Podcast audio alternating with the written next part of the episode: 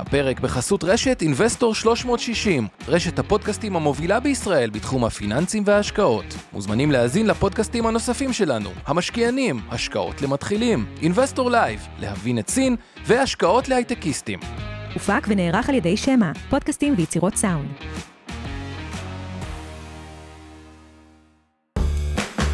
השקעות למתחילים אבנר סטפאק ועומר רבינוביץ' עוזרים לכם בצעדים הראשונים בעולם ההשקעות.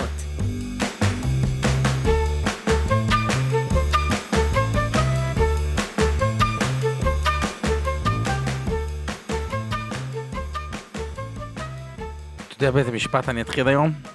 יש משפט שבכל מיני סרטים שאומרים show me the money. show me the money. show me the money. עכשיו, למה אני אומר את זה בהקשר של החברות טכנולוגיה הגדולות? כן, כדי show us the money? לא, כי הכסף נעלם. אתה יודע, תבינו את זה, זה אמזון כאילו, אין כסף.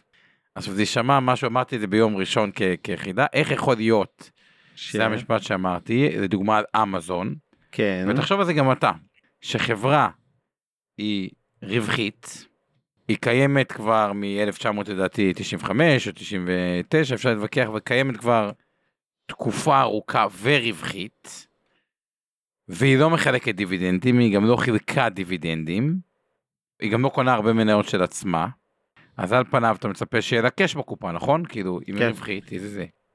אז אם אתה לוקח את הקש שיש לה אל מול החוב, אז אמזון כיום, אחרי שאתה מנקה את המזומן, יש בה 100 מיליארד דולר חוב נטו, כלומר, מדינה קטנה. total debt 170, קאש 70, ואז אתה שואל את עצמך, רגע, אם החברה רווחית, היא מקיימת כל הרבה שנים, היא לא חילקה דיבידנדים, לא עושה בייבקים של מניות, איפה הכסף? ויש איזו תשובה טובה, ואני חושב שזה חלק מהתזה, התזה בעשור האחרון הייתה הגדולות סוחבות הכל, מי שרוצה סולידי שיקנה את הגדולות, משהו שם לדעתי התערער קצת. אני חושב שפשוט תזה שהיא לא נכונה, אני חושב שיש הרבה יותר שווקים מעניינים מרק את הגדולות, שזה גוזר גם רגע איפה זה שם אותנו בכלל עם ה-S&P, כי הגדולות הן פרופורציה מאוד גדולה, נכון שיש דיפרנציאציה ביניהם. וואלה, בא לי להראות את הגרף, שלחת את הגרף? אם לא, אני אחרי זה אראה אותו מאצלי על ה-S&P אה. 500. בניטרול הטופ 7. בניטרול טופ 7, אבל, אבל זה לא... אני אשלח אותו. כן, אבל זה, זה אתה יכול להגיד בניטרול לטופ 7, שאני לא אוהב את זה, כי כל מדד אתה אומר בניטרול זה כאילו... לא, ברור, בסדר, אבל זה רק כדי להמחיש שהשבע הגדולות שאנחנו נעסוק ברובן הערב, היו כל כך דומיננטיות שנה שעברה, שאם היינו מנטרלים אותם מה-S&P 500, ה-S&P ירד רק 14 אחוז, המניות האלה צנחו באיזה 42 אחוז נדמה לי באותה, בשנת 22, וזה פשוט גררו את המדד הזה למטה, וכאילו זה מדהים לראות שרוב שנה שעברה, בניטרול אותן שבע מניות בכלל לא היינו, היינו בירידות אמנם, אבל לא מה שמגדירים שוק דובי, כן, לא 20 אחוז וכולי. נכון, ועדיין צריך לענות את השאלה, כאילו בהקשר הזה, איך זה יכול להיות, נגיד את המקרה של אמזון.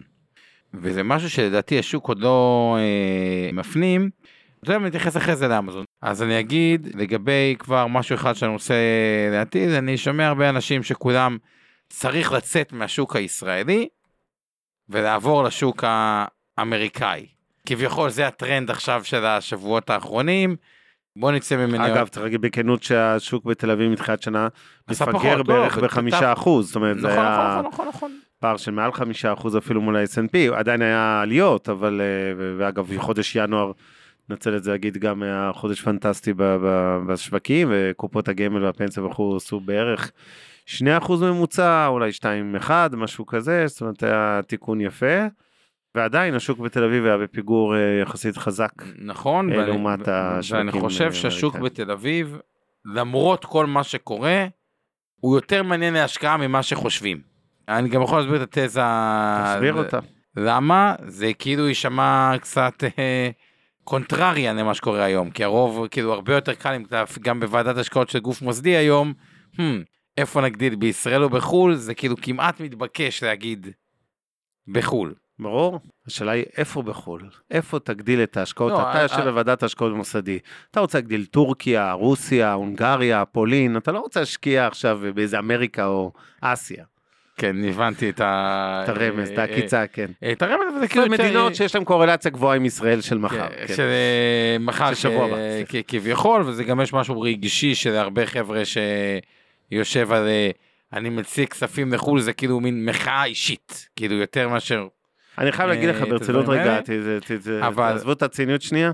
א', אני באמת לא, בלי קשר, אני לא פסימי על השוק בתל אביב ולא כי זה המקצוע שלי או הפרנסה שלי, אנחנו ממילא רוב ההשקעות שלנו בחו"ל כמו שאתם יודעים, אה, ולא בישראל, אבל אני אגיד שבהחלט, בוא נגיד ככה, ההרגשה שלי מהמקרים שאני רואה, של אנשים שמעבירים כספים לחו"ל וזה עדיין אה, מספרים מאוד נמוכים, זה לא שיש פה כן איזו היסטריה של זה, אבל uh, ההרגשה שלי זה שרוב מי שעושה את זה עושה את זה מפחד אמיתי ולא מאיזה נקמה או רצון, uh, אני אראה לא, להם לא, מה זה ממש, ולבדוק, ממש, פשוט ממש לא, זה גם יש היגיון, גם. גם בוא, בוא נודה באמת, כשחלו תהליכים הידרדרות במדינות שאנשים קוראים היסטוריה, הוא פתאום היה מהיר ופתאומי שאי אפשר להוציא, ואתה אומר את זה, טוב, בוא נעשה את זה כשזה אתה סבבה. כאילו אני- רוצה להגיד שאתה מזהה תהליכים. לא, אני אומר, במקומות אחרים, כן. שזה קרה, אני חושב שישראל רחוקה מאוד משם, וש...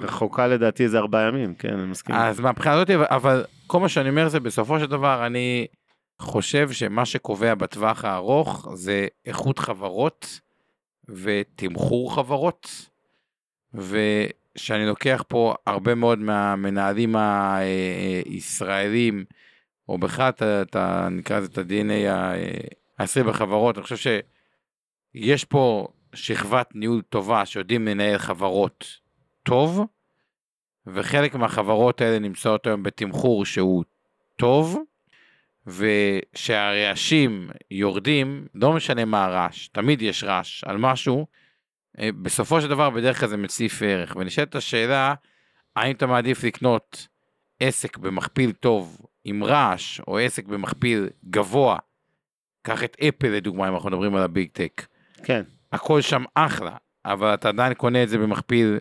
27 לשנת 23. כן, נגיד, במכפיל כן, גבוה.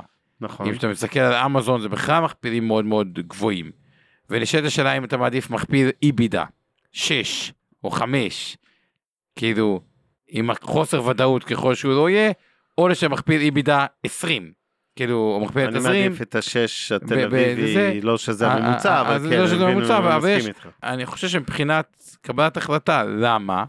כי החלק הזה שמעלים, ובוא נעבור עכשיו עם זה לפינת המכפילים ונשים אותם בכולם תוך כדי, כן. מה מעלים, אוקיי?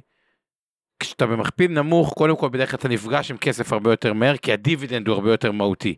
עד שתראה דיבידנד מחברה כמו אמזון, ייקח הרבה יותר מאשר נניח, אה, לא יודע מה, בית אשכול ישראלי, תראו, אוקיי, ילין לפידות, לא משנה, הוא מייצר תזרים, הוא מחלק דיבידנד, נכון, אתה נפגש עם כסף נכון. יותר מהר מאשר, וזה מכפיל יותר, חברת הייטק לא תעשה. נמוך בחברת אה, הייטק. אז אחד, אתה נפגש עם כסף יותר מהר.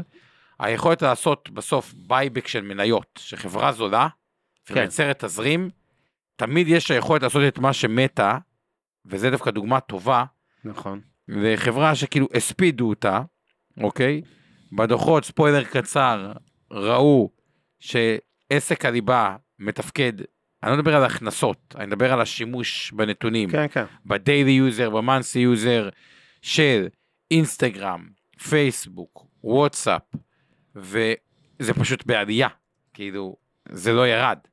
ובכזה מצב, אם, אם עסק הליבה טוב, אז זה לא בהכרח מצדיק מכפיל נמוך שזה היה מכפיל 10, אבל כשזה מכפיל 10, וחברה במכפיל 10 מייצרת 10% בשנה cash flow, היכולת שלהם לעשות buyback, היא מייצרת המון המון cash, וגם היה המון המון cash בקופה, היא מאוד חזקה, וכשהם הודיעו אנחנו רוכשים מניות של עצמנו בסכום עצום, לדעתי זה היה 30 או 40 מיליארד אה, דולר, אז החברה טסה בתוך כמה חודשים משיעור 80 ופחות מ-90, 88, לכיוון ה-190, שזה 110 אחוז על הכסף בשלושה חודשים, כשזה מתהפך, אז זה מתהפך מאוד מאוד חזק, יש יותר קרבה לכסף בדיבידנדים, יותר קרבה לכסף ב buybackים, וכשאתה יקר, ה buyback תמיד יהיה פחות מהותי, כי התזרים יחסית לשווי כן. החברה הוא פחות מהותי, וכו' וכו' וכו' וכו'. מכפילים קצת? יאללה. אוקיי, אז אנחנו רואים פה את פינת המכפילים, ובואו נראה על מה אנחנו מדברים במכפילים. נסתכל אפילו על המכפיל לא הנוכחי, שהנסדק הוא 25, אלא העתידי, שהוא גם קרוב ל-25.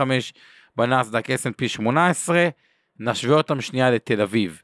תל אביב 35 במכפיל 9, תל אביב 90 במכפיל 9.7, והיתר במכפיל 8.3, שזה פשוט חצי. כאילו תמחור חברות בממוצע בארץ הוא חצי, אפילו במקרים מסוימים פחות מחצי, מארצות הברית. עלויות המימון בארץ הן יותר זולות מארצות הברית, כי תשואת אג"ח ארצות הברית ל-10 שנים היא 3.62.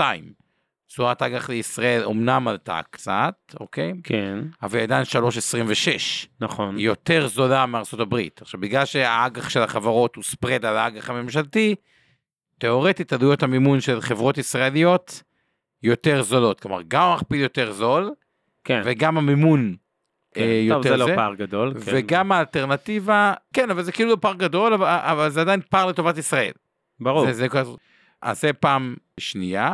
ביתר זה עוד יותר מודגש, 8-3, תסתכל על הראסל, שזה קטנות בארצות הברית, 23 מול 8-3. כן. זה כאילו שליש מחיר, וביתר, תמיד כמו ביתר ישראל, יש גם כל מיני מניות לא קשורות, הפסדיות ודברים כאלה, אם ניקח את הממוצע של החברות הרווחיות, אני חושב שזה אפילו יהיה פחות מ-8-3 אה, אה, מהבחינה הזאת. עכשיו, עוד דבר שמשפיע לרעה על כל המכפילים, והוא ישפיע לטובה באופן כללי על כל החברות, בסוף מסתכלים על מכפיל רווח. עכשיו, אין מה לעשות, לחלק מהחברות, כמעט לכל החברות בעולם, יש תיק ניירות ערך. עכשיו, תיק ניירות ערך, הוא לא משפיע על הרווח התפעולי, אבל הוא גרם אבל- הפסדים ב-22. הוא גרם להפסדים ב-22.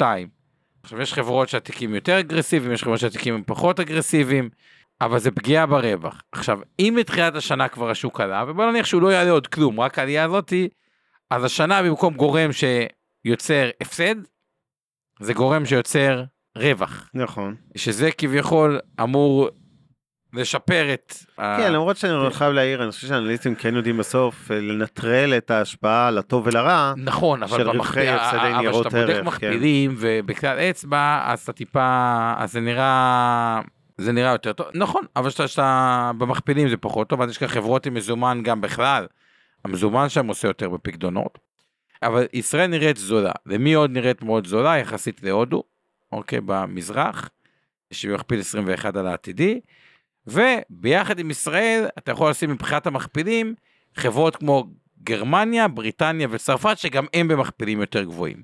עכשיו, הסתכלתי שנייה על הנתונים של ישראל, ותשווה רגע את ישראל לצרפת או לגרמניה ולבריטניה. חוב תוצר של ישראל, חצי משנה, כאילו, עשר- כאילו, מה יותר בריא? ש- כן. 60 אחוז, ארה"ב אגב 120 אחוז, זה אומר שהחוב יותר גדול, עכשיו תזכרו גם עלויות החוב התייקרו, כלומר זה פגיעה כפולה, ארה"ב גם צריכה לשלם יותר על הריבית השוטפת, נכון. זה אומר היא צריכה לקצץ יותר בהוצאות, זה אומר העסקים שעובדים עם ארה"ב ייפגעו יותר מעסקים שייפגעו עם אה, נכון. ישראל. אז, אז, אז מהבחינה הזאת שמשווים את הבעיות שיש בצרפת, או בבריטניה, או בגרמניה, שזה גם דמוגרפיה, גם שם יש בעיות לא פשוטות, נקרא לזה, עם קבוצות שונות, את, אה, אתניות אה, לא פשוטות, עם נושא של גז שם שהוא הרבה יותר יקר, ואנרגיה מאשר ישראל, בלי הייטק, אחוזי אבטלה יותר גבוהים בצורה אה, משמעותית מ- מישראל, ולישראל יש עוד נקודה שאין לאחרים, אוקיי? נכון שהאינפלציה פה נמוכה, אבל הסל צריכה של ישראל הוא יקר.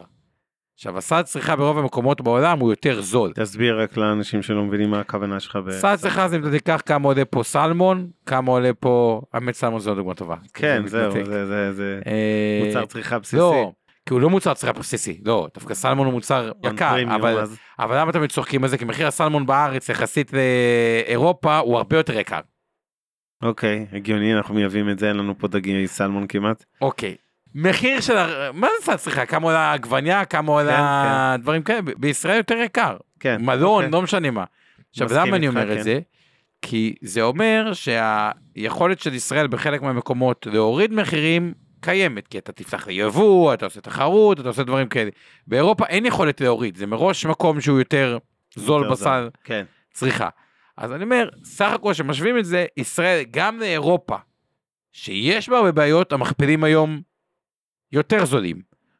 עוד דבר שיש בישראל, רק שאני אומר, ושוב, אני לא בא להגן, כי כל מי שיש עם לקוחות מכל צדדי המפה, ועוד דבר אחרון של ישראל, ועם זה נסיים במכפילים, יש פה עושר של שתי דורות, שהיו שני. שני דורות שהיו מאוד מאוד חסכניים, יחסית עם מעט הוצאות, ונוצר פשוט כסף שכאילו עובר, אה, כלומר מדינה מאוד לא ממונפת גם ברמת המדינה, גם ברמת האזרח. סך הכל מה שאנחנו רואים במכפילים, אם אני מסכם אותם, ארצות הברית לא נראית זולה, ולדעתי בביג טק, מה שנדבר היום, המכפילים אפילו יותר גבוהים ממה שחושבים, כי חברה, ו- ונדגים את זה על ידי כמו אמזון עוד רגע, ואני חוזר לשאלה, איך נוצר לה חוב של 100 מיליארד דולר, אם היא רווחית, לא מחלקת דיבידנדים, כאילו, טכנית איך זה נוצר, ותכף ניגע גם בזה, אז לדעתי המכפילים הם עוד יותר יקרים ממה שחושבים. ישראל זול, אירופה גם אזור יותר אה, זול, סין עלייה גדולה, עדיין יותר באזור שלה יותר אה, זול מיקר, תשואות אג"ח אה, עלו בהרבה מקומות אה, בעולם, וזה ככה לגבי המכפילים. נתחיל לדבר על חברות טכנולוגיה. כן, נתחיל לדבר על חברות טכנולוגיות דקה, ניתן לי רק להשלים עוד משהו לגבי רמת המאקרו וגם קצת להתייחס אה, להערות בצד. אז קודם כל אני מזכיר לגבי הכלכלה הישראלית שהשנה הולכת להיות שנה הרבה פחות טובה. לא קשור ל- עכשיו לכל הסיפור של שבוע הבא עם ההצבעות על התוכנית המשפטית. אה, מצאתי שהמילה תוכנית היא מאוזנת, כי אם אתה אומר רפורמה זה קונוטציה חיבובית, אם אתה אומר הפיכה משטרית זה שלילי, אז בוא נקרא לזה תוכנית בשביל האיזון. לא קשור אליה, ישראל הולכת, אני מזכיר את זה אה, פעם שלישית לדעתי, לקריסה חזקה ממיסים. בהכנסות ממיסים, זה קשור לירידה בנדל"ן, ירידה בכמות העסקאות הכוונה בנדל"ן, לא למחירים, וקשור לירידה בהכנסות מההייטק. ההייטק סובל פעמיים, פעם אחת, יש לנו מן הסתם הרבה פחות אקזיטים וגם לצערי פחות השקעות עכשיו בהייטק, ופעם שנייה, הגלי פיטורים הלא דרמטיים, אבל בכל זאת לא קטנים שהיו, הם לבד מורידים לך כמה מיליארדים מהכנסות שהכנסות ממיסים מיסים. ומוסיפים לאבטלה. ומוסיפים לאבטלה ולצד ההוצאות למעשה וזה קצבאות יקרות כמובן וכולי ולכן צריך להביא בחשבון שגם ככה אנחנו בשנה של היפוך מגמה אחרי שבשנה שעברה היינו מהכלכלות המצטיינות השנה כנראה נהיה מהכלכלות החלשות וזה באמת לא קשור לזהות ממשלה כזו או אחרת אלא באמת נתון כמעט כבר אה, מנוי וגמור נקרא לזה אם לא יקרה איזשהו נס השנה הזאת תהיה הרבה פחות טובה מקודמתה. יחד עם זאת עדיין אנחנו במצב טוב שלא תבינו לא נכון הכלכלה הישראלית עדיין חזקה.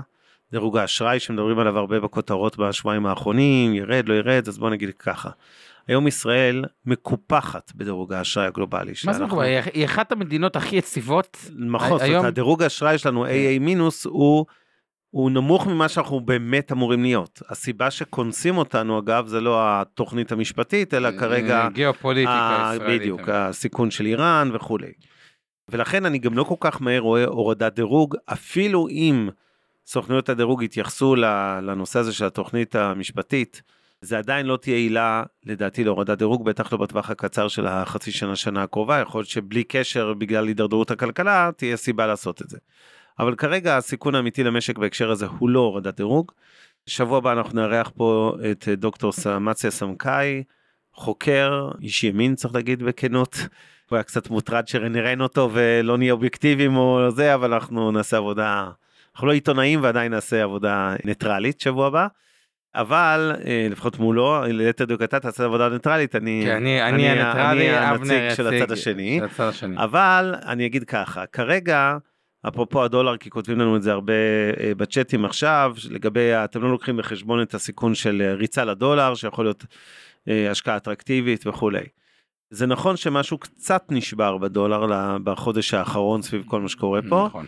אחרי שנים הראינו לכם את הגרף המדהים הזה של ה-S&P הקורלציה. 500 מול הדולר, דולר שקל, הכוונה קורלציה שלילית מדהימה, אחד לאחד, זה ממש נראה כמו תמונת ראי, מי שזוכר, ה-S&P 500 עולה, הדולר בישראל יורד. נכון. עכשיו- ממש עכשיו זה נשבר. במתאם קבוע. כן, כי אנשים ממירים זה- דולרים. זה, כאילו, זה, יש, אה, זה קצת נשבר, עדיין אין הוצאות כספים משמעותיות, אבל יש קצת הסטה של כספים לחו"ל, גם קצת פתיחות חשבונות בחו"ל, קצת העברות כספים, זה עדיין אה, זרזיף קטן, נגיד בכנות מחמישה טריליון שקל לנכסים פיננסיים של הציבור.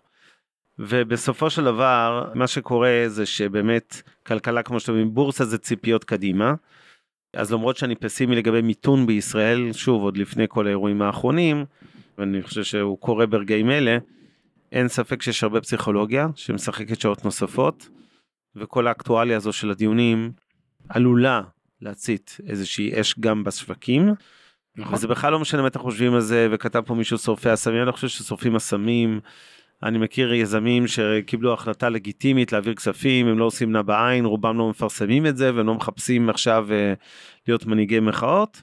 הם פשוט אומרים, הסיכון בישראל עלה, כמו שדני כותב לנו בצ'אט, הוא כותב דרמטית, אני לא חושב שעדיין דרמטית, אבל הוא עלה, או עלול לעלות אה, יותר משמעותית, בוא נגיד, תלוי מה תהיה התוצאה של כל הריבים האלה עכשיו אה, בפוליטיקה, אבל בסופו של דבר, זה מתחיל מהחלטות לגיטימיות שאנשים לעבור, ואני מזכיר, אנחנו, אני לא רוצה לעשות פרומו לשבוע הבא, אנחנו נדבר עם דוקטור, דוקטור סמכאי ו- ונטחן את הנושא הזה לעומק, אבל זה נשים בצד כרגע. אז זה לגבי קודם כל הכלכלה, ועכשיו אני רוצה להגיד כמה מילים על הטכנולוגיה, ואז נצלול למניות עצמן של הטכנולוגיה. חברות הטכנולוגיה, כמו שאמרתי, הטופ 7 האלה, ספגו שנה שעברה, זה באמת מדהים לראות את הפער העצום בין המניות האלה. ה-large 7 ירדו בכמעט בדיוק 40% בשנה שעברה, בעוד שה... S&P מינוס ה- בניטרול השבעה האלה ירד רק ב-14, 13, 14 אחוזים. ולא פלא שהמניות האלה הם אלה שתיקנו חזק ועלים למעלה השבוע. אוקיי? השבוע, חודש מתחילת שנה. וזה בהחלט אה, בעיניי תיקון טבעי, זה היה כמעט טכני, ראיתם שהרבה מאוד חברות, זה לא דווקא משנה מהותית הסיפור של טסלה מול אמזון, מול אה, אפל, מול זה, כולם קודם כל נהנו מטרנד כללי כזה של פתיחה חזקה של השנה, וריבאונד נקרא לזה שהמניות שצללו כל כך חזק שנה שעברה היו הראשונות אה, לתקן בצורה אגרסיבית למעלה. כן משנה יש סיפור לכל אחת מהם אבל זה לא העיקר מאחורי העליות האלה אלא העיקר מאחורי מה צפוי להיות לנו אה, בהמשך השנה. אני אגיד ככותרת שבעיניי העלייה המאוד חדה ומהירה במניות האלה הופכת אותם ברמות המכפילים הנוכחיות לנקרא לזה ניטרליות. זה לא שאפשר בתיק להתעלם מהן, בתיק השקעות, אבל הם בטח לא אטרקציה גדולה אה, כמו שהם היו, לפחות חלקן, ותכף נדון אחת אחת, אבל בגדול הם לא אטרקציה גדולה, כי לקנות את אפל במכפיל 27 על עתידי, על שנת 23, זה בסדר, אוקיי? וזה גם חברה שכבר לא צופים לצמיחה משמעותית כרגע בשנתיים שלוש הקרובות. המנכ"ל עצמו גם דיבר על זה, אז בסופו של דבר זה לא איזה, כן, אה, תשואה בוננזה, כשמסתכלים על זה במושגי, אה, כן, 4% מהחלקי 27 זה, אה, וגם נניח צמיחה מסוימת, כי בכל זאת טווח ארוך גם אפל תצמח, זה, זה לא נותן איזה בשורות, כן, לעשות תשואה של 6-7% נניח לשנה, על בכל זאת מניה, גם אם תגידו לי שאפל היא רמת סיכון יותר נמוכה מטסלה או מחברות קטנות יותר בטכנולוגיה, זה ברור, זה לא איזה גליק עצום. אז ככלל, אני אומר, הכותרת שלי זה neutral המניות האלה. טקטית אולי אפילו קצת uh, underweight מה שנקרא, משקל חסר בגלל העלייה המאוד מהירה שלהם. זה בכותרת, כבר נצלול, אפרופו כל הידיעות על פיטורים, עכשיו אנשים לא, לא תמיד מבינים לגבי פיטורים. שוק ההון אוהב פיטורים, לא נעים להגיד את כן, זה. כן, פיטורים זה התייעלות, זה הגדלת רווח. זום הודיע זה- נגיד היום שהיא מפטרת, בום, המניה טסה. כן, אתם רואים בדרך כלל שהתגובות וגם- לפיטורים, זה באמת עלייה במניות. ותשימו לב, אפל שפיטרה, כמעט, לא, לא פיטרה, סליחה. הגרף שאנחנו רואים פה, למי שצופה בנו ולא מאזין, מראה בעצם את גיוסי כוח האדם של החברות אה, פייסבוק, גוגל, מייקרוסופט ואפל, הרביעייה הזאת, מ-2018 עד סוף 22. בארבע שנים האלה ראינו שאפל גייסה הכי פחות עובדים, באופן יחסי נדבר באחוזים כמובן. אה, מייקרוסופט שנייה אחריה, גוגל צמחה, הכפיל את עצמה, פייסבוק אה. פי שתיים וחצי בכמות העובדים בארבע שנים, ובדיוק באותו סדר, כך גם סדר הפיטורים בחודשיים מה האלה, או שנקרא, חודש the ממה ש... faster you grow, the כן, faster you let אומרים go. LIFO, אה, last in first out, אז מי שבקיצור גייס הכי הרבה גם מפטר הכי הרבה, והכל בסדר, זה לא אה, זה.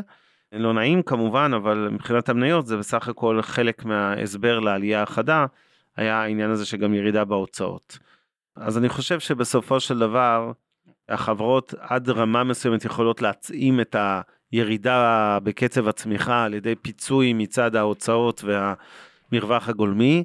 אם אולי התחלנו באפל, אז בואו, אני מציע שנמשיך אוקיי, עליה, ניתן- ואז ככה ניתן נעבור לגברת אחת אחת. הגדולה את הכבוד שלה. כן, בדיוק. אז, אז אני אגיד כמה דברים על אפל. אפל, כאילו, הייתה אולי אחת המניות הכי מפחידות בשבועות האחרונים מבחינת השוק, כי כולם היו המון המון חששות של אנליסטים, והתחילו לעקוב אחרי כל המפעלים, פוקסקון וכולי, על הייצור. היא גם חברה עם השווי שוק הכי גדול בעולם. כן, אז היה איזשהו פחד שהיא הולכת אה, לאכזב בגדול וכולי, בדוחות, והיו, היה- התחיל להיות איזה קונצנזוס מחתרתי כזה שמספרים של אפל לא יהיו טובים, והיא אכן לא העלתה ווליום מבחינת כמות ה, כן, והמכירות, אבל היא כן פיצתה על זה בשינוי תמהיל מה שנקרא, זאת אומרת, יותר מוצרי פרימיום שנמכרו באפל, על חשבון מכשירים בסיסיים, במוצרי הפרימיום שיעור הרווח הגולמי יותר גדול, אז בעצם מה שקרה ראינו עלייה ברווח הגולמי למרות שההכנסות אה, היו, לא, הגידול בוא- בהכנסות בוא- היה צנוע אה, הרבה אה, יותר. אז בואו נסביר לכם מה שאבנר אמר גם במספרים. האייפון מהווה 52% מהכנסות אפל, הסרוויסים מהווים רק 20%. עכשיו, 20% זה נשמע לא הרבה, אבל זה 78 מיליארד דולר, שתבינו את הגדלים. ואז יש עוד 10% זה המק, 7.4% זה האייפד, ועוד ה-wearables וה-home accessories זה עוד 10.5 אחוזים. אממה, השולי רווח של האייפון לעומת הסרוויסיס זה מאוד שונה. הסרוויסיס, השולי רווח הם מאוד מאוד גבוהים, לדעתי אזור ה-70-75 אחוז, סתם תחשבו על זה, אפיליאציה באפליקציה, זה לא יהיה להם כלום, כאילו שמישהו עושה דרכה משהו, והחלק הזה של הסרוויסיס הוא יחסית בעלייה, כלומר, שולי הרווח שלהם משתפרים, וזה למה למרות שההכנסה לא גדלה, והיה עלייה בהוצאות כאילו עובדים וכו', עדיין הרווח נשאר אה, אה, טוב, כי בסגמנט הזה יש גידול. אבנר, אתה רוצה להמשיך? כן, צריך להגיד שאחד החסרונות של אפל זה כמובן התלות בשוק הסיני, ושם זה שוק שצריך לזכור, היה סגור עד לאחרונה עם הקורונה וכולי, וזה גם מסביר כמובן את בעיית הצמיחה של אפל בשנה החולפת, שאולי עכשיו אה, הבעיה הזו לפחות אה, נפתרת. אבל שוב, בסוף אני לא יכול להתעלם מהמכפיל, כשאני רואה מניה במכפיל 27 על העתיד, על שנת 23, שכבר צפויה להתנקות קצת מכל בעיות של שעברה, זה לא אטרקציה מי יודע מה, כך שבוא נגיד זה לא, לא נראה לי איזה גליק עצום שם. כן, גם עוד דבר שאני רוצה להזכיר לגבי אפל, סתם בצד של כאילו למה, מה קצת מטריד שם, לא בדיוק מטריד, אה, יש מה שנקרא היכולת של חברות לעשות buyback של מניות, כלומר לקנות מניות של עצמם. עכשיו, אפל במרץ 2020 הייתה עם 90 מיליארד בקופה, וקצת יותר חוב, אבל קצת, נגיד 100 מיליארד חוב. היום הקופה הידלדלה ל-50 מיליארד, כלומר, הרבה מה cash ירד חלק בגלל buyback, ועלות החוב נשארה אותו דבר. כלומר, כן יש החוב של 50 מיליארד, זה עדיין זניח, אה, החברה מרוויחה 100 מיליארד שקל בשנה, אבל עלויות הריבית עולות, ובאופן כללי, פחות אה, אה, יכולת ה buyback העתידית שלה, בהינתן אה, זה שקופת המזומן או, או ה cash ירדה, היא, היא, היא, היא קצת פחותה. אה, והיא גם במחיר יותר גבוה שזה לא בהכרח עושה היגיון. כלומר, יש בה פחות upside. נעבור לחברה הבאה או עוד איזה אנקדוטה לגבי אפל? קודם כל שואלים אותנו פה לגבי השקעה ברכב אה, אלקטרוני של אפל, איך אתה רואה את זה? תראו, אפל בסוף עושה עסק, הרווח של אפל זה האייפון, שזה 52 אחוז, ההכנסות זה הרבה, והסרוויסס, שזה מאוד רווחי, זה נגזרת של האייפון, כמה שמוכרים יותר מזה. יכול להיות שזה יהיה כמו סגמנט שכל המק, שזה המון שנים, זה 10 אחוז, אז זה, אז יכול להיות שיהיה עוד שורה, כמו שיש מק, אייפד, wearables, זה, אה, מכוניות, אבל אני לא רואה את זה כאילו לא דרמטי. לא דרמטי, וגם אם כן זה משהו מאוד מאוד ארוך, ואז יהיה שווה התייחסות, אבל לא, לא בטווח הנראה לעין. כן, יואב אה, מעיר לגבי המכפיל של אפל, שהוא בכל זאת סקטור טכנולוגיה, זה לא סקטור שמרני, ולכן זה לא מכפיל כזה גבוה. אבל צריך להגיד בכנות, הגורילה הזאת שקוראים לה אפל, זה כבר לא חברה ב mid market של ה tech, שאתה אומר היא תצמח ב-20, 30, 40 אחוז לשנה בהכנסות ובר... או ברווח.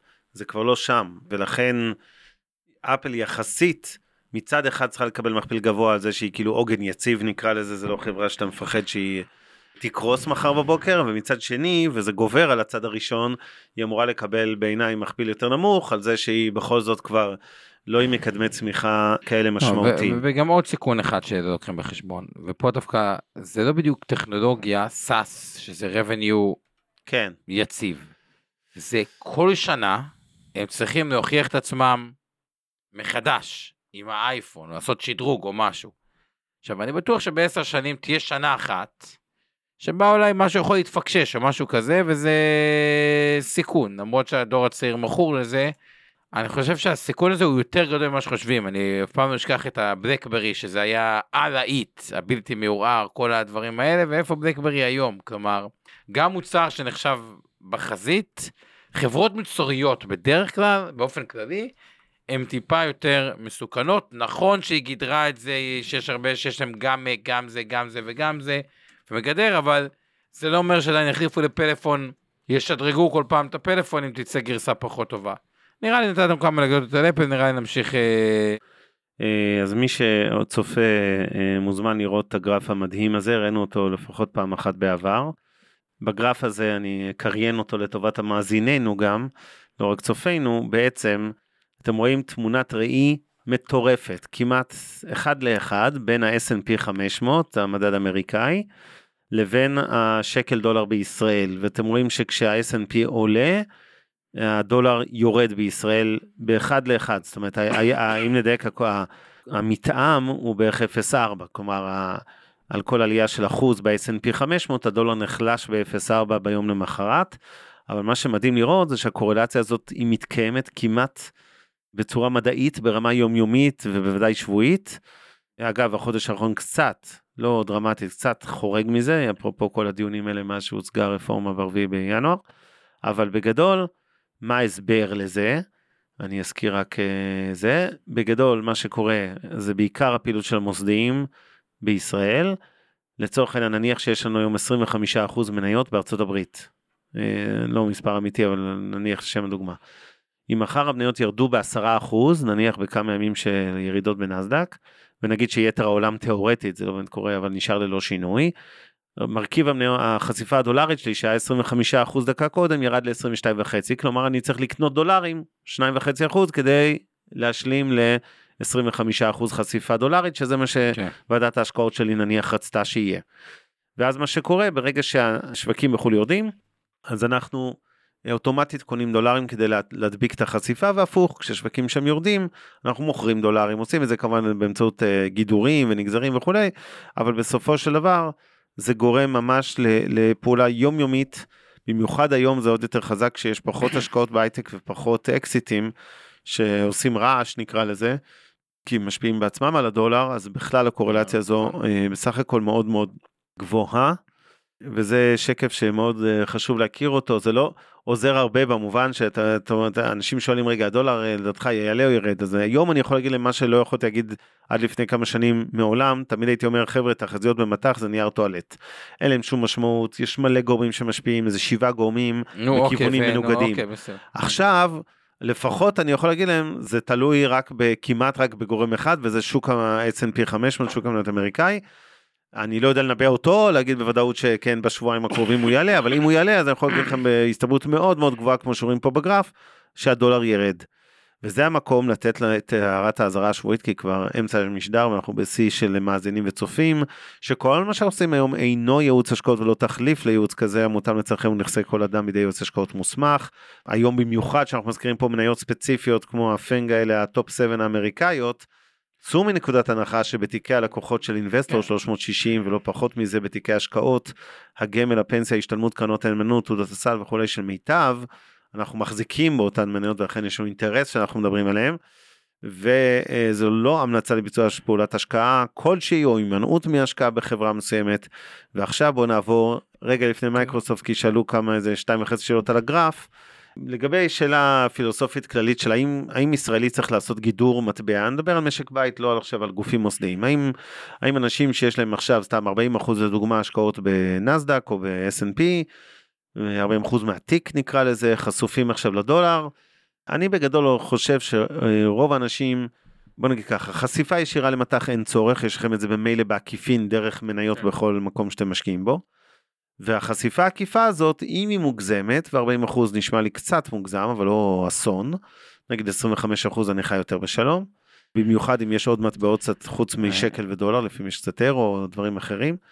אני רק מזכיר שיש גם אופציה קלה, במקום להתחיל להתעסק עם אופציות וגידורים וקשקושים. יש אה, לא מעט לא, קרנות ומוצרים, וזה לא המלצה לקנות קרנות נאמנות כמובן, אה, רק על בסיס תשקיף אה, בתוקף, אבל יש מוצרים מה שנקרא מנוטרלי מטבע, אפשר לקנות תעודות סל וקרנות וכולי, לא, לא צמודות לדולר, אלא שבעצם אה, הקרנות האלה עושות את הגידור בפנים, אה, ואז החשיפה, למרות שהשקעתם בנסדק, החשיפה הש- המטחית שלכם היא לא קיימת בגין אותה השקעה. מסכים, למרות שבנכסים שעושים וזה הרבה יותר זול, סליחה רונן, מעלויות לגידור שאתה צודק. אבנר, יש לנו פה עוד שש חברות אה. להמשיך, אנחנו צריכים לעבור לחברות ולא למטח, כי... מסכים איתך, דבר. אוקיי, יפה. עכשיו, למה להמשיך במייקרוסופט אחרי אפל? כי צריך לעשות כבוד לפי הגודל, סתם שתבינו עד כמה אפל גדולה, היום אמזון וגוגל ביחד שוות את אפל, שתבינו מה הגודל של, אה, של אפל. אבל מייקרוסופט היא השנייה, קרוב ל-2 טריליון דולר. בואו נדבר קצת מח, אה, אה, מכפילים. אז ה-EV, מה שנקרא מכפיל אה, EBITDA שלהם 23, מכפיל רווח 29, של מייקרוסופט אגב יותר גבוה מאפל. המכפיל רווח העתידי אגב של אפל הוא 25, המכפיל רווח העתידי של מייקרוסופט הוא 27. אז זה ככה מכפילים באופן כללי. כמה אנקדוטות לגבי אה, אה, מייקרוסופט, איפה עיקר הפגיעה שלהם, או איפה עיקר, אה, קודם כל היא חברה בלי מינוף, היא חברה שבה הקאש יותר גבוה מהדפט, שאני מאוד אוהב לראות את זה, להפך, הם מרוויחים יותר על המזומן. היא חברה שעשתה שינוי מדהים, כאילו נדלה שם מנכ"ל מעולה שהעביר אותה ממודלים של למכור אגב תוכנה פעם אחרי פעם ושאתה צריך להצדיק את עצמך, אפרופו אפל, ולמכור תוכנות כסאס עם revenue stream אה, מובטח. מה קצת פוגע במייקרוסופט ונכון אחרי זה לגבי אמזון. בתחום של הענן, באופן כללי זה תחום שהשווי שלו הוא מכפילים גבוהים כי זה תחום שמאוד מאוד צמח ככל שמשהו צומח יותר מהר המכפילים שמוצדק עליהם הם יותר גבוהים. עכשיו המון עסקים בעולם עברו למוד של איך אנחנו חוסכים בהוצאות. עכשיו מי שלא מכיר הוצאת ענן היא הוצאה מטורפת. כלומר בגודלה בחברות בסטארט-אפים אפרופו אימון ענן AI זה, זה, זה, זה הכל מתאמן על הענן ורוצים לקצץ בזה, חושבים איך לקצץ בזה, ואז חברה, הציפיות הצמיחה של הענן נפגעות. ובחברת צמיחה שציפיות נפגעות והחלק הזה הוא מאוד צמח, זה גם משפיע על, ה, על, על השווי הכלכלי של זה. אז זה, זה אנקדוטה אחת שרציתי להגיד. בוא תמשיך באנקדוטות ואז אני... תראה, המנכ"ל של מייקרוסופט דיבר, אה, הוא הסביר שלראשונה כזה פתאום מייקרוסופט לא חסינה למיתון, התרגלנו תמיד להסתכל עליה כחברה שחלק גדול מהפעילות שלה היא מה שנקרא B2B, Business to Business, ואנשים לא יכולים אה, כן להחליט שהם לא רוצים רישיון Windows או רישיון 365 וכולי וכולי. וכביכול אה, היא חסינה והיא תמשיך לצמוח ואפילו הענן שדיברו על צמיחה של 35-40 אחוז ככה ממוצע בשנים הקרובות לשירותי הענן שזה בעיקר כמובן מגזר עסקי. אז הוא הוריד את ה... נקרא לזה, הנמיך את הציפיות, עכשיו מדברים על 20 אחוז צמיחה שנתית בענן, כן, לא בכל מייקרוסופט, אג'ור מה שנקרא, הפעילות שלהם. ובסופו של דבר גם פה צריך להגיד בכנות, בדומה לאפל, זו אמנם חברת uh, קצת בטון נקרא לזה במובן הזה שכנראה בוא נגיד בעוד שלוש שנים עדיין תהיה ב top 10 האמריקאיות כמו היום העולמי ליתר דיוק אבל זה לא מכפיל כזה מציאה גדולה זה חלק מהבעיה פה. נכון, המכפיל פה הוא לא כל כך נמוך. אני כן חושב שהמודל העסקי של מייקרוסופט, שבתוך ה-DNA של עסקים, הוא יותר חסין מאשר של... כאילו בוא גם ככה, גם המודל העסקי של אפל הוא מדהים, אבל ה...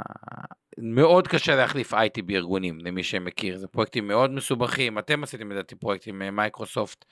מאוד Mhm. מסובך להטמיע, ואחרי שאתה עובר את הסיוט הזה, אז אתה עשר שנים לא רוצה אתה אתה לא להחליף רוצה אותו. לשמוע בכלל. מישהו אומר לך, אנחנו כן, עשינו את אבל. אני אגיד לך את הבעיה, רק, אנחנו בעיה של כל ה... את. כל המערכות שלנו באינבסט יושבות על סיילספורס. שמע, לוקח זמן להטמיע את זה. אתה לא אפילו בתור בדיחה, אתה לא שוקל לבדוק משהו אחר אחרי שאתה מטמיע את זה. לא, זה ברור. אני אגיד לך רק אה, משהו שהתחיל ממייקרוסופט והוא תקף לכל ה top 7 האלה. אחד הדברים שהמנכ"ל דיבר שם זה שנכנסים לשנתיים קשות. עכשיו אתם יודעים, יש איזה אה, בון טון להגיד, שת- טרנד כזה של אה, שנה קשה, אל תדאגו, מיתון קצר, בלה בלה בלה, והוא פתאום מדבר על שנתיים. לדעתי אחד המנכ"לים היחידים עד היום שדיבר על שנתיים קשות. ואני חושב שצריך להביא בחשבון שהבעיה של, כשאתה מדבר על מכפילים עתידיים וכולי, ואתה אומר, רגע, יהיה לנו עכשיו שנתיים קשות, ואחרי זה אני חושב שאולי יהיה הכל בסדר, אבל, אבל גם לא בטוח. אין, אין נראות, visibility. כשאין נראות, אין ודאות. וכשיש אי ודאות, אז חברות טכנולוגיה אמורות לסבול מזה הרבה.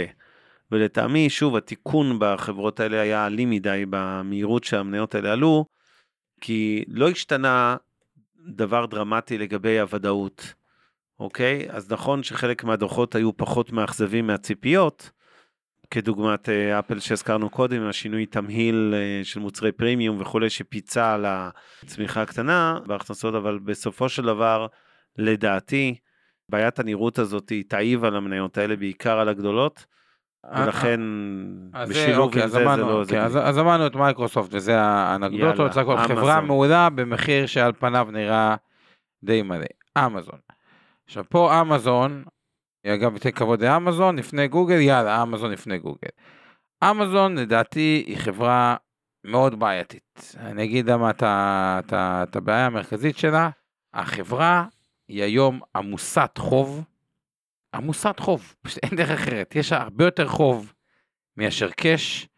זה אומר שהיא לא יכולה לעשות buyback של מניות, כלומר עדיין צריך לתת פיצוי לעובדים במניות, העובדים אתה רוצה לשמר אותם, אתה נותן מניות, זה אומר שאתה מגדיל את כמות המניות, אתה לא יכול להקטין, אתה לא יכול לקנות כמו שאפל קונים, מטא קונים, מייקרוסופט אה, כן, אה, קונים להפך, אתה מוסיף להיצע.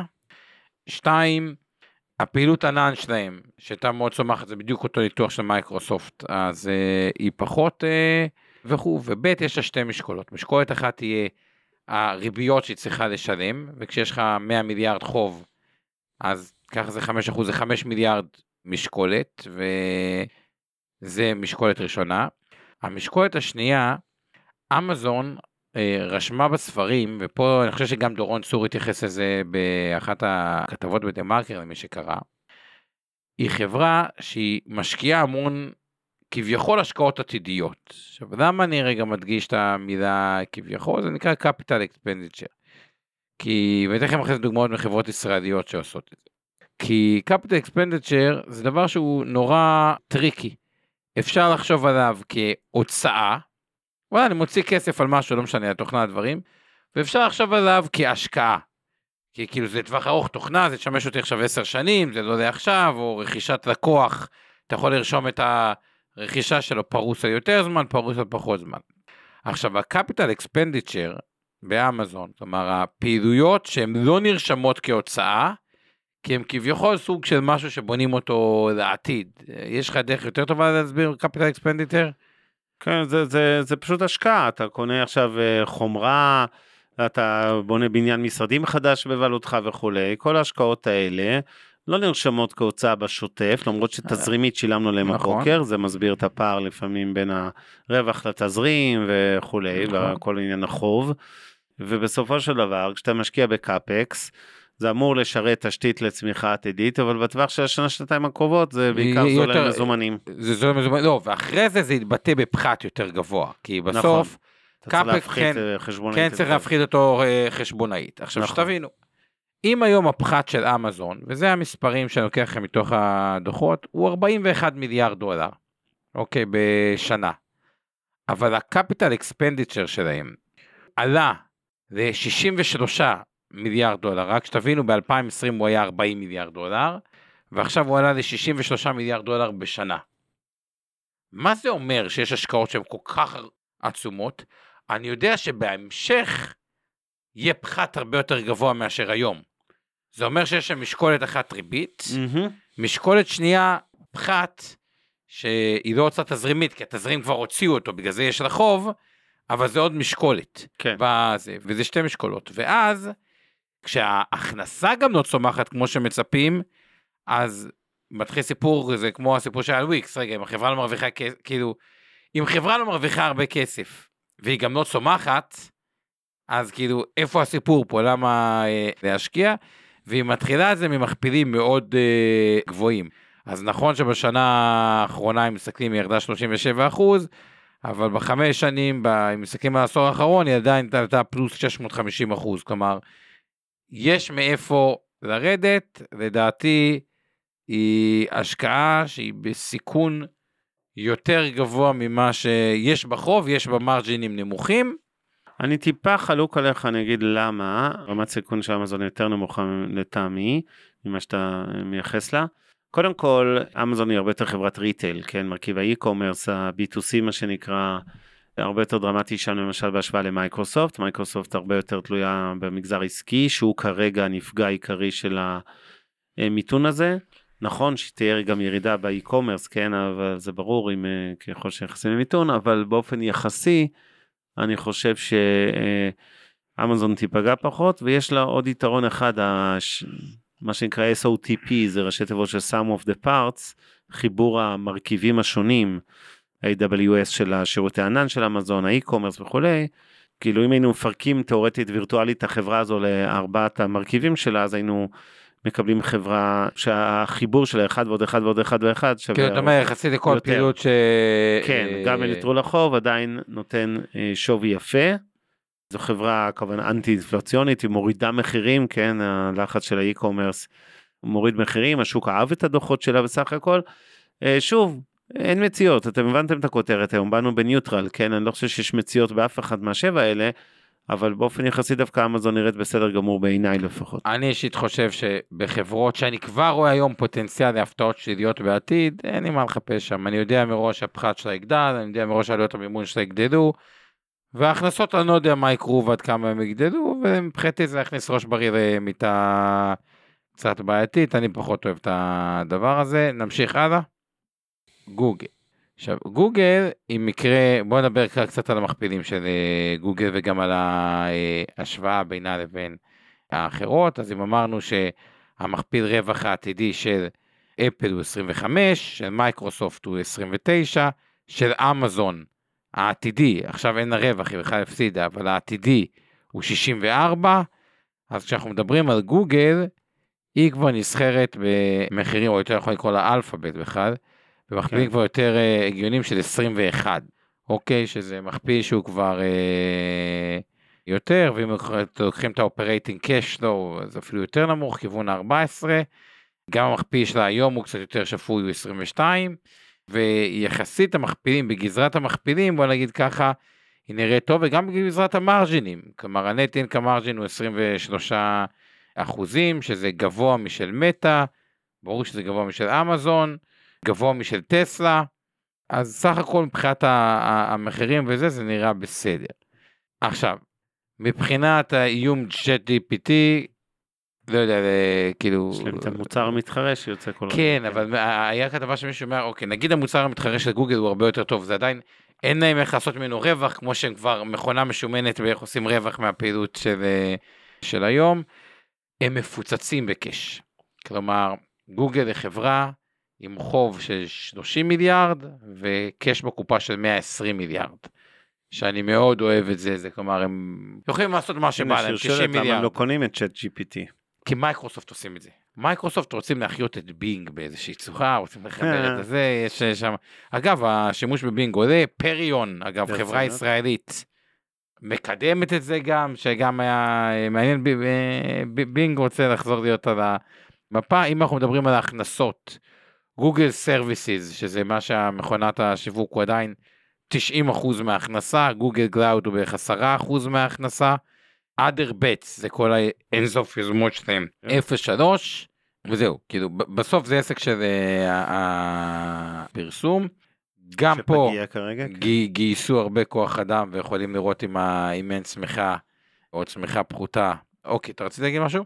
לא, תמשיך, כן. עכשיו, בשונה מאמזון, שהסתכלתי על הסעיף של ה capital expenditure אצלם, גם כל מיני יוזמות כושלות יכול להיות, אתה המצאת משקפיים, אה, כל מיני דברים שבמטאוורס, למה אני אוהב לקרוא לזה capital? השקעת 30 מיליארד במטאוורס. כן. אבל אם אין לזה ערך, זה הוצאה, אתה צריך למחוק את זה. נכון. כאילו, זה רשום כנכס, אבל זה לא נכס, כאילו נכס okay. אוקיי. שכאילו...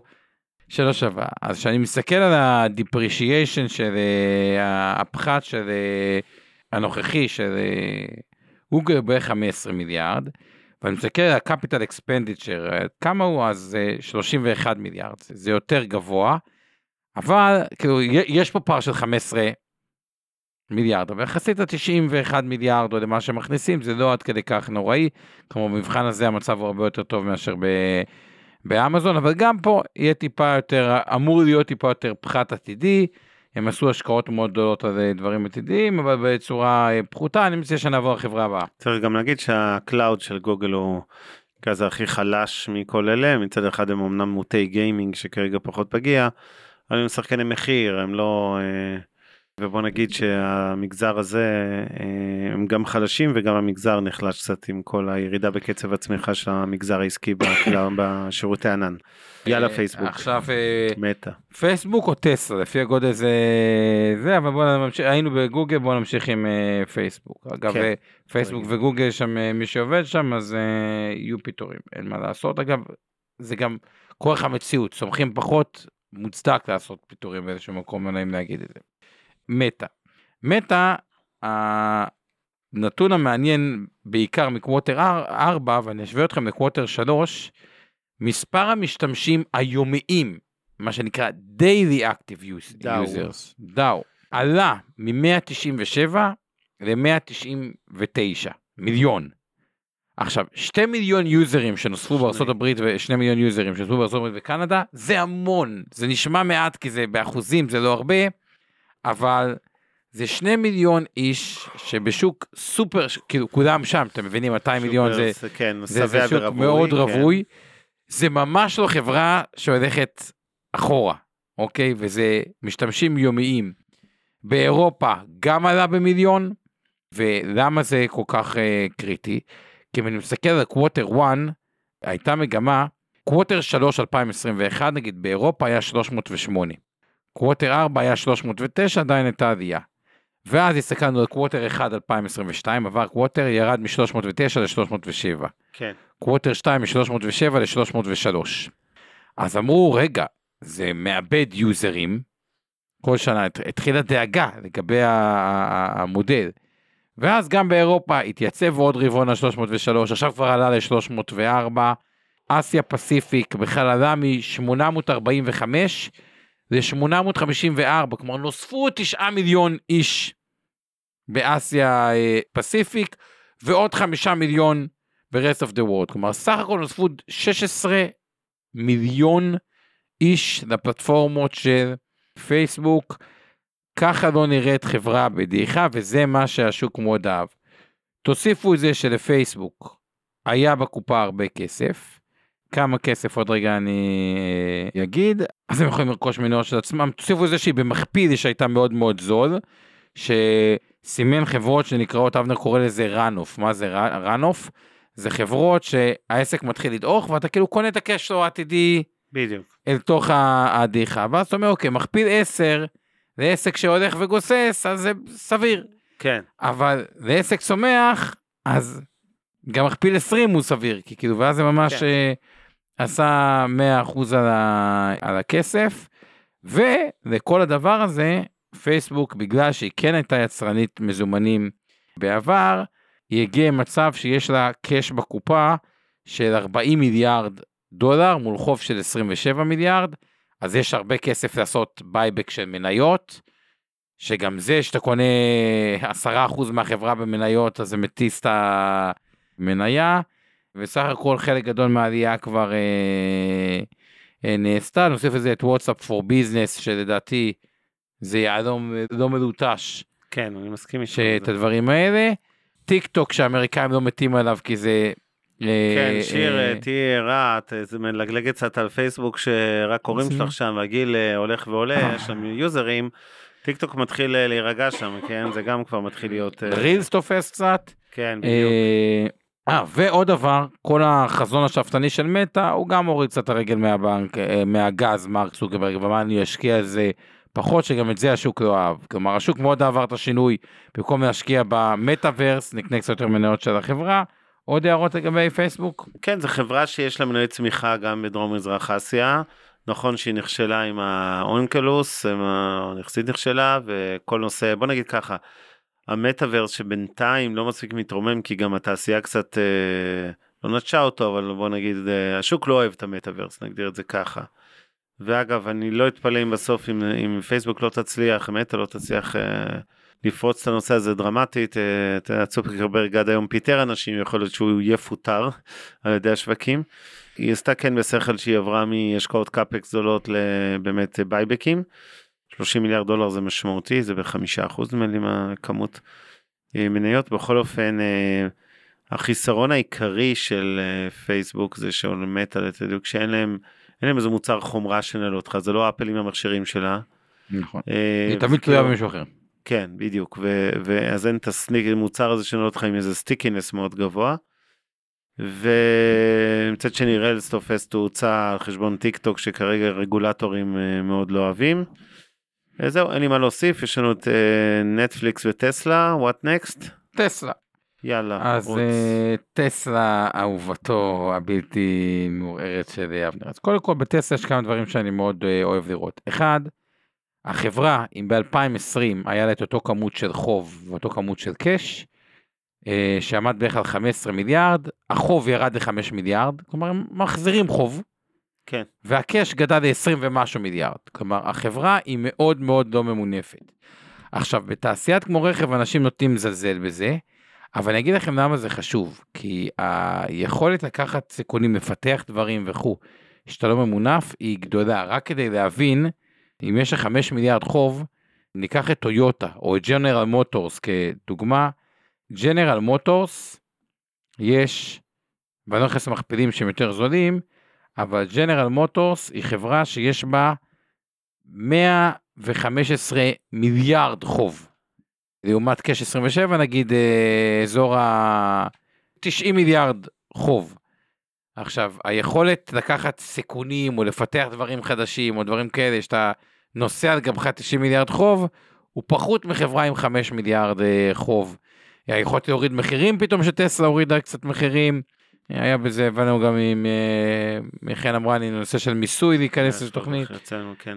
אז אה, זה מהבחינה הזאת. סך הכל זה נראה אה, טוב, יש לה שני מקורות הכנסה, אוטומוטיב 95 וגם את הנושא של סטורי שזה בערך חמישה אה, אחוזים. הם חברה יחסית לביג טק עם שולי רווח נמוכים, כלומר שולי הרווח של טסלה בסוף נמוכים לא, יחסית למייקרוסופט או, או גוגל, או, אם- כי הם טוענים, אל תשוו אותנו במכפילים גם לחברות רכב, כי אנחנו לא חברת רכב. אז או שאתה מכפיל, כאילו, אתה לא יכול אתה מכפיל של אוחז את טכנולוגיה, המקל משני את קצות. המקל משני הצדדים. אז בוא נדבר עליהם כחברת טכנולוגיה כדי להבין. טסלה בסוף השולי רווח שלה הם 15 אחוזים, שסתם בשביל להשוות מייקרוסופט זה כפול מזה, שהיא הכי עם שולי רווח הכי גדולים, אה, מטא עם אה, 20 אחוז. אז זה שולי רווח נמוכים יחסית לאפל, וזה אגב זה גם למה שהם בטוחים, כי גם אם ההכנסה קצת נפגעת באפל, בשולי רווח 25 אחוז אתה עדיין כן, ברור. רווחי. ג'נרל מוטורס, אם אני מסתכל על השולי רווח שלהם, הם ממש לא שמה. זה חברות שהיסטורית היו בחמישה, שישה, אה, לפעמים אה, אה, הפסודיות. אז סך הכל טסלה, הכל נראה אצלה טוב מבחינה עסקית. כן, אני חושב, ראיתי את זה גם במכוניות בארץ, גילי הזה, זה עשה איך לא רע. ג'ילי, גילי, איך קוראים לרכב הסיני הזה? כן. הוא עם נתונים די דומים לטסלה מבחינת אה, אורך, מבחינת זה, ומחיר עדיין עולה עשרות אלפי שקלים מתחת ל- נכון. לטסלה. טסלה עוד לא עברה את מבחן המותג כמו של אפל. זה נכון שהמותג טסלה הוא מאוד חזק, סך הכל יש לה עדת מעריצים לא קטנה בעולם, אבל זה עדיין רחוק מאוד בעיניי מאפל. ואני אגיד שהמהלך האחרון של הורדת מחירים, שגם כמובן סוכר בהרחבה בישראל, כי יש הרבה אנשים שקנו רכב ודקה אחרי זה היה שווה פחות עשרות אלפי שקלים. בהתחלה השוק פחד מזה, אבל לאט לאט הבינו שבעצם זה לא כמו, אתה יודע, יש הרבה כתבות על חברות אופנה ששוחטות מחירים עכשיו, סיילים וזה, מהלחץ ה...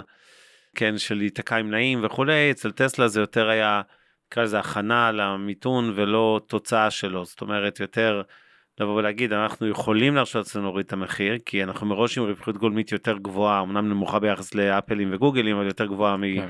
מחברות הרכב אה, המסורתי, ולכן כביכול אנחנו לספוג את זה ואולי נכון. לפצות על ידי הגדלה של קצב הצמיחה בכמות המכוניות, גם אם הרווח פר מכונית יקטן.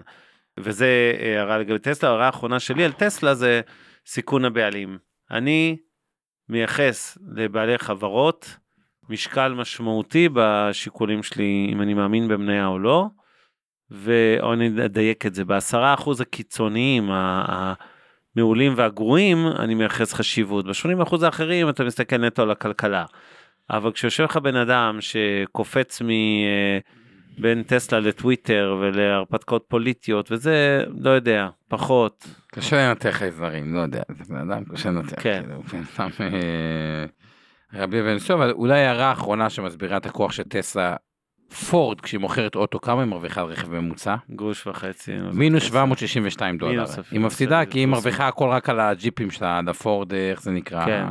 שהאמריקאים אוכלים את כן. זה, כן, וחושבים אחד. יונדאי 927, פולקסווגן 973, טויוטה 1200, זה כבר יותר טוב. כן.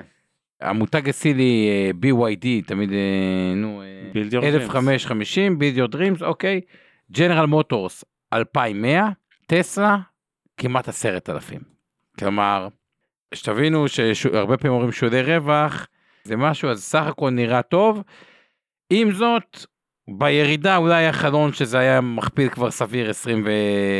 ומשהו, עכשיו מכפיל עתידי 46, עוד פעם חזרה לאזור שהוא לא כל כך זול, אז כאילו קשה להתייחס לזה, אבל סתם ראיתי ראיון באחד הפורומים על שהיה מצחיק עם, אה, על ג'ף בזוס, ש... ואז ראינו איזה אנליסט שמנתח את אמזון, ואמרו, תשמע, זה נראה לך הגיוני שעוד מעט אמזון הולכת להיות בגודל של סירס? כאילו, ואז אותו אנליסט אמר, תקשיבו, זה טכנולוגיה, עושה disruption, הוא אמר, טוב, נו, אתה עושה צחוק, זה סירס. איך אתה בכלל יכול להשוות את אמזון לגוף כמו סירס? והרעיון הזה נורא מצחיק, כי כאילו, אתה Boeing, מי זה סירס, תזכיר.